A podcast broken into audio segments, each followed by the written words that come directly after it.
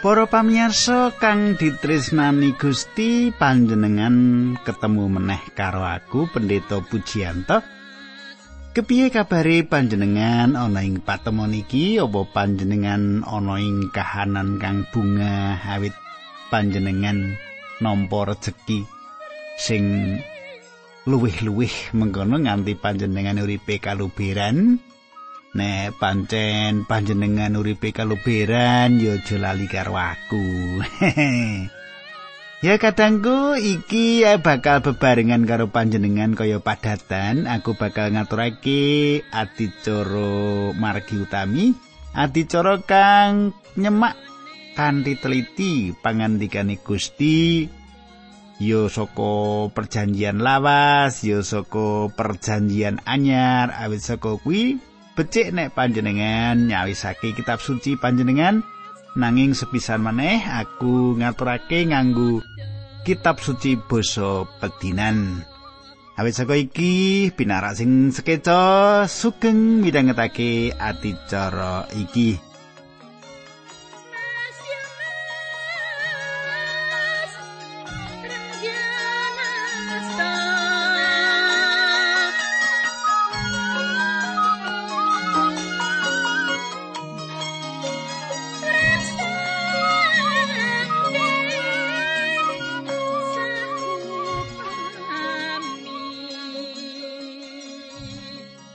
Sumitraku tentune panjenengan isih kelingan apa kang ndaturake ing patemon kita kepungkur.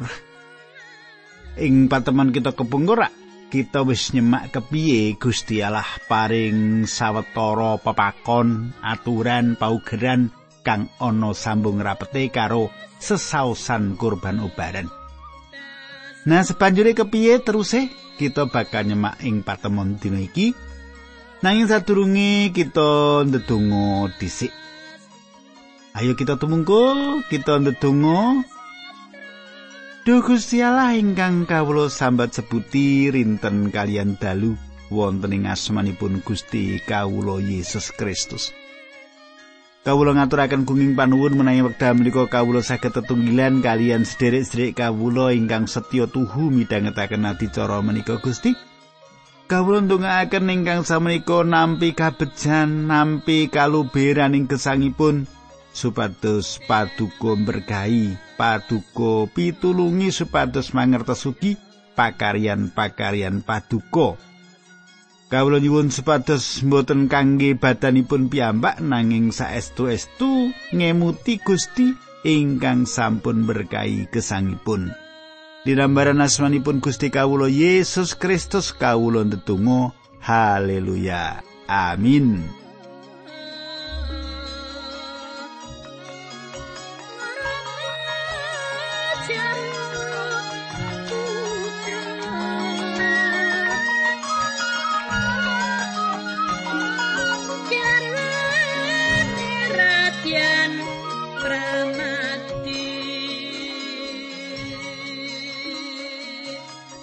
Kadangku saiki kita wis ngancik pasinaon kita ing kitab Kaimaman bab loro.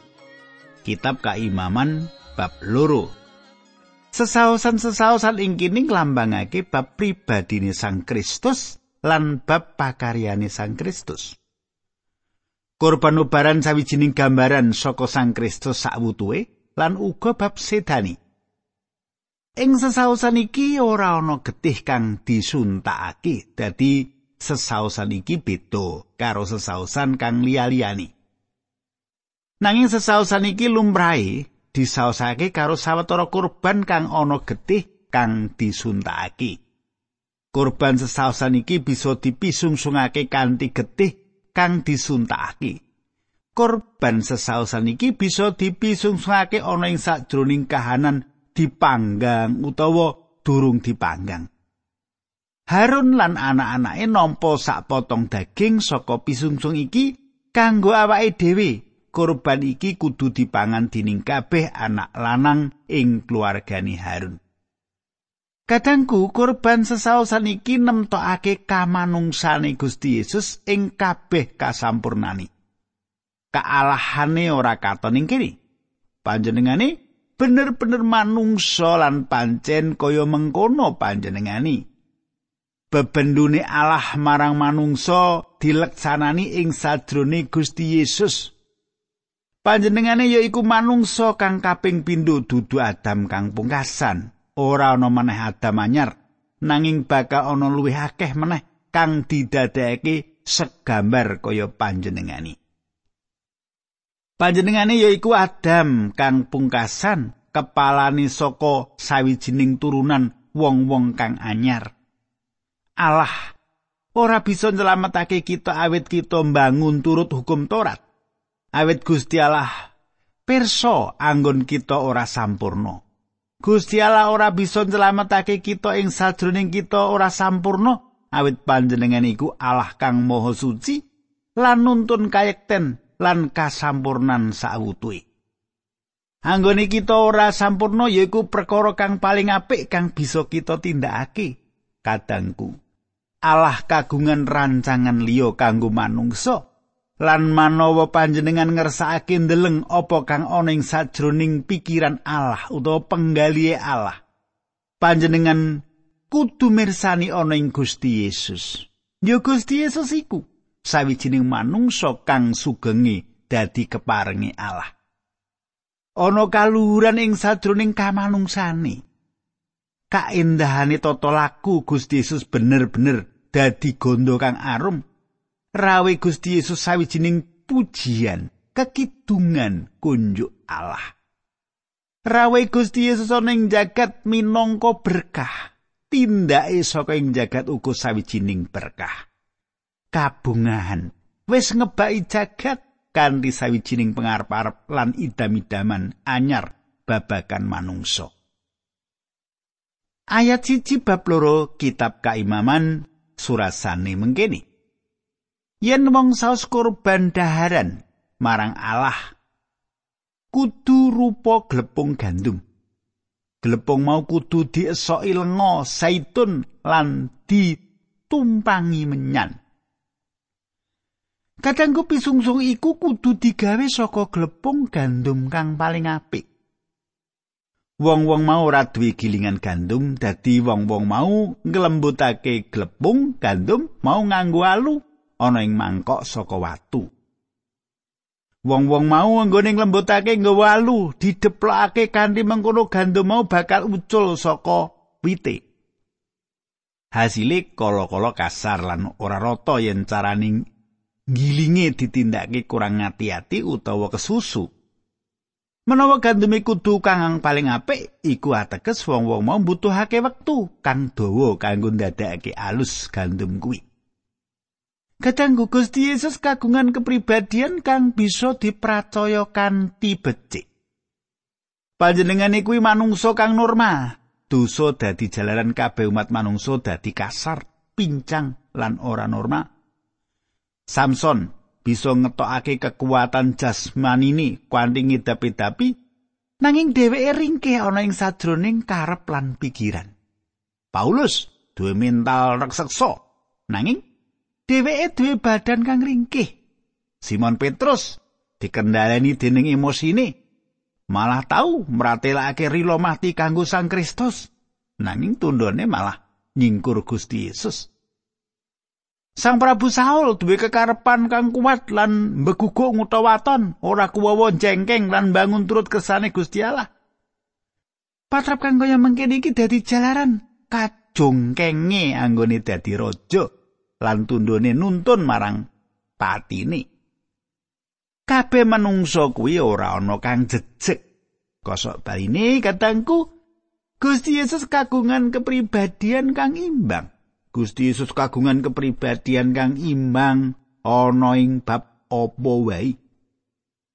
Panjenengane bisa nundungi kabeh wong dagang duit ing bait Allah lan panjenengane bisa ngrangkul bocah-bocah ing rangkulani. Nalika Gusti Yesus umur 12 taun, para pemimpin agama gumun krungu apa kang dadi kawicaksanane kelantipane kapinterane nalika panjenengane wiwit memulang wong padha gumun lan kondo kepiye dene wong iki kok duwe kawruh mengkono tanpa sinau. Iku kaya kang ditulis ing Yohanes pitu ayat 15. Senajan kaya mengkono Gusti Yesus ora tau nggunakake pikirane minangka landesan saka pengadilane. Gusti Yesus bangun turut marang kersane Sang Rama lan ya iku kang dadi tondo saka apa kang ditindakake. Kadangku Gusti Yesus bisa muwun ing kuburane Lazarus utawa nalika Gusti Yesus mirsani kutha Yerusalem kang ora duwe kawigaten marang panjenengani. Gusti Yesus bisa nangekake Lazarus saka pati nanging ing wektu iku uga Gusti Yesus maringi perso sawijining penghakiman kang kejem atas Yerusalem. Gusti Yesus ora dikendhaleni emosine ing sadroning Gusti Yesus nindakake apa kang dadi kersane. Panjenengane ora tau nindakake kersane piyambak nanging ora wong siji wae kang bisa malangi kanggo tindak menyang Yerusalem. Sedo. Gusti Yesus paring pangandikan ana ing Yohanan 6 ayat 38. Yohanan utawa Yohanes 6 ayat 38 mengkene surasane. Sebab menggonku tumedhak saka swarga kuwi ora supaya aku nglakoni karepku dhewe nanging kersane Gusti Allah sing ngutus aku. Kadangku lengo saitun ngelambangake sang roh suci. Ing ayat papat dan limo disebutake menawa korban sesausan iku kudu diolah nganggo lengo. Ing ayat 6 padha kurban sesausan iku kudu disokake lengo ing dhuwure. Ing ayat pitu glepung sesausan kudu diolah bebarengan karo lengo. Panjenengan saiki tak jak nderekake kitab kaimaman yo. panjenengan sing gatekake ing Yohanes, saiki panjenengan tak derekake ing kitab kaimaman. Dadi tak belini neh Lengo zaitun nglambangake Sang Roh Suci ing ayat 4 talimo disebutake menawa kurban sesausan iku kudu diolah nganggo lengo. Ing ayat 6 padha kurban sesausan iku kudu disokake lengo ing dhuwure, disuntaki lengo ing dhuwure ing ayat pitu gelepung sesausan kudu diolah bebarengan karo lengo. Lire minyak iku sawijining perangan kang paling penting saka pisungsung lan diterapake ana ing sajroning akeh cara kang beda-beda. Kadangku cawe-cawene Sang Roh Suci ana ing sajroning gesang kamanungsane Gusti Yesus cetha ing kene diolah karo lenga. Iki nggambarake nggone Gusti Yesus dilairake krana Sang Roh. Kok suntake lenga ing anggane iki nglambangake Gusti Yesus dibaptis kanthi Sang Roh Suci. Bebarengan lenga nglambangake bab Gusti Yesus kang dipimpin dening Sang Roh Suci. Karo lenga nglambangake bab Gusti Yesus enggone memulang nindakake mukjizat kang akeh lan misungsungake badane ana ing panguasane Sang Roh Suci. Kadangku, yen Gusti Yesus ana ing sajroning kamanungsane kang sampurna mbutuhake Sang Roh Suci, wis mesti panjenengan lan aku uga mbutuhake Sang Roh Suci iki. Kita ora bisa nindakake apa-apa kanthi kekuatan kita dhewe.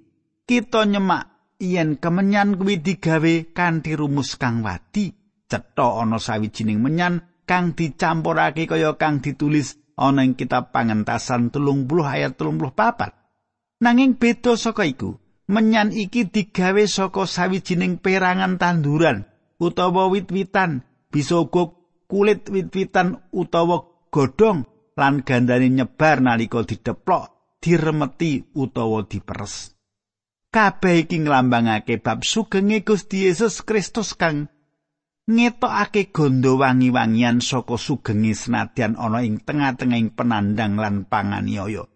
Yo iki kang dipirsani Sang Rama ing sadroning Yesus minangka priyantun kang dadi keparengi. Saiki ayat loro kaimaman bab loro. Banjur disaosake dening para imam anak turune Harun imam kudu njupuk glepungi sak genggem karo lengane zaitun sarta menyane kabeh lan ngobong glepung mau ing mesbeh minangka tondo yen kurban daharan mau kabeh wis disaosake dadi kurban katur marang Allah. Gandane kurban daharan mau gawe renaning penggali Allah. Kadangku para imam nampa sapotong saka korban sesaosan. Potongan-potongan iku irisan-irisan iki kudu dicupuk sawetara persen saka saben korban kang dipisungsungake. Sisane dicampur lan sebanjure diobong ing sak dhuwure mesbeh kang dicethakake ing kene yaiku pisungsung iki diobong ing sak dhuwure mesbeh sinadan ora ana getih kang disuntakake. Kang dicethakake ing kene yaiku sesausan iki diobong ing sandhuwure mesbeh senajan ora ana getih kang disokake kang dipentingake kang utama yaiku dipapanake ana ing geni ayat terulan papat teko ayat 10 ya Turahane korban daharan mau dadi bagiane para imam. Turahan kuwi barang suci merga dicupuk saka daharan sing wis disaosake marang Allah. Yen sing disausake roti bakaran kudu roti sing tanpa ragi, kena roti sing kandel sing digawe saka jladren klepung, diulet karo lenga zaitun, kena roti sing tipis angger dileleti lenga zaitun. Yen sing disausake roti panggangan kudu roti sing digawe saka glepung tanpa ragi lan diulet karo lenga zaitun. Yen disausake kanggo kurban daharan roti mau kudu diejur lan diesoki lenga saitun. Yen sing disaosake roti gorengan kudu digawe saka glepung lan lenga saitun. Roti mau dadi sausan marang Allah lan dipasrahno marang imam sing kudu nggawa sausan mau menyang mesbeh. Imam nyuwe roti sausan mau lan ngobong cuwilan kuwi ana ing mesbeh kuwi mertandani yen kurban mau wis disaosake marang Allah gandane kurban daharan mau gawe renane penggali Allah. Turahane kurban mau dadi bagiane para imam, turahan kuwi suci mergo dijupuk saka daharan sing wis disaosake marang Allah. Kadangku. Apa kang ditulis iki ya iku wulangan kang jlimet kang ana sambung rapete karo kurban sesaosan. Kang utamakake ya iku kang diutamakake ya iku glepung kang apik dhewe lan lenga. Lan iki dibolan baleni ping pirang-pirang.